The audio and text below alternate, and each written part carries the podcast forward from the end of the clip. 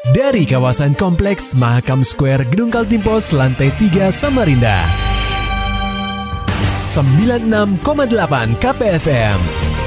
Kita akan ikuti program KP Flash News.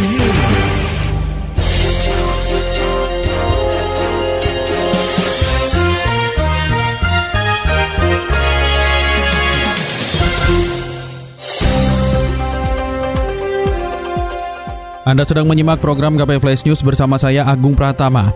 Imbas musim kemarau sudah lima titik lahan di Samarinda yang terbakar. Laporan selengkapnya akan disampaikan reporter KPFM Samarinda, Muhammad Nur Fajar. Pendengar KP, sejak Juli lalu, Samarinda sudah memasuki musim kemarau. Bahaya kebakaran hutan dan lahan atau karhutla mulai mengintai selama periode musim kemarau. Kepala Badan Penanggulangan Bencana Daerah atau BPBD Samarinda, Suarso menuturkan, selama bulan Juli hingga awal Agustus 2023, telah terjadi lima kali kebakaran lahan di kota tepian, di mana wilayah yang terdampak adalah kawasan Samarinda Utara dan Palaran.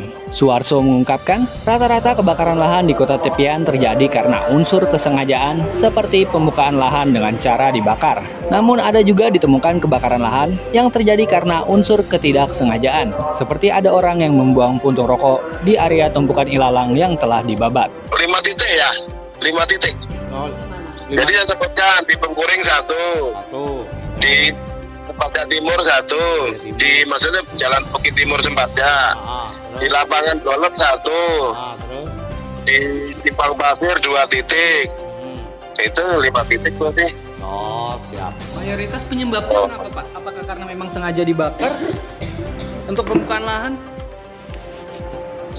Sebagian iya, sebagian ada ketidaksengajaan, ada yang diduga karena eh, apa orang melempar puntung rokok di tumpukan eh, ilalang yang sudah dibabat itulah.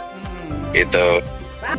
Menyikapi bahaya karhutla di musim kemarau ini, Suarso menekankan kepada masyarakat kota tepian agar tidak membuka lahan dengan cara dibakar serta melakukan pembakaran sampah di area lahan yang mudah terbakar. Selain itu, semua masyarakat wajib mengingatkan kepada lingkungannya untuk tidak melakukan pembakaran lahan untuk mencegah darurat karhutla di Samarinda. KPFM Samarinda, Muhammad Nur Fajar melaporkan.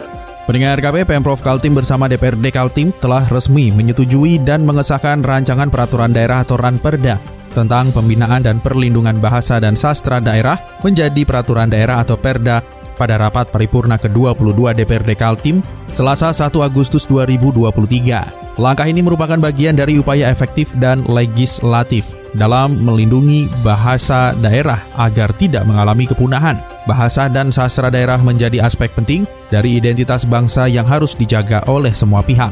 Asisten Pemerintahan dan Kesra Setda Provinsi Kaltim N. Syirajudin memberi apresiasi dan penghargaan yang setinggi-tingginya kepada anggota dewan yang telah berkolaborasi dengan pemerintah daerah dalam menyusun dan merumuskan ranperda tersebut sehingga ranperda ini dapat ditetapkan sebagai perda. Sirajudin menegaskan bahwa pembahasan ranperda tentang pembinaan dan perlindungan bahasa dan sastra daerah telah melewati berbagai tahapan dalam proses yang cukup panjang dan saat ini tengah dalam proses penyesuaian hasil fasilitasi dari Kementerian Dalam Negeri. Sirajudin menegaskan bahwa tujuan dari Ranperda ini adalah untuk meningkatkan kualitas dan kuantitas sumber daya manusia di lembaga dan tata bahasa dan sastra daerah. pengaturan pembinaan dan perlindungan bahasa dan bahasa daerah selain untuk membina dan melindungi bahasa dan bahasa daerah juga untuk meningkatkan kualitas dan kuantitas sumber daya manusia lembaga dan perangkat bahasa dan sastra daerah. Peningkatan kualitas dan kualitas sumber daya manusia dapat diasumsikan sebagai meningkatkan kemampuan masyarakat untuk dapat berbahasa daerah. Hal tersebut disebutkan dalam peraturan Menteri Pendidikan dan Kebudayaan nomor 42 tahun 2018 bahwa penciptaan suasana yang kondusif untuk dapat meningkatkan kemampuan masyarakat berbahasa daerah salah satunya melalui penyusunan peraturan daerah tentang kebahasaan. Lebih lanjut, Sirajudin percaya bahwa ke depannya bahasa dan sastra daerah akan terus berkembang dan dilestarikan, sehingga tidak tergerus oleh arus globalisasi dan modernisasi. Beralih ke berita selanjutnya, pendengar KP, jelang hari kemerdekaan penjual bendera merah putih di Samarinda menjamur. Laporan selengkapnya disampaikan reporter KPFM Samarinda, Maulani Al-Amin. Pedagang bendera merah putih mulai berjualan di beberapa titik di Samarinda menjelang hari ulang tahun kemerdekaan Republik Indonesia pada 17 Agustus mendatang.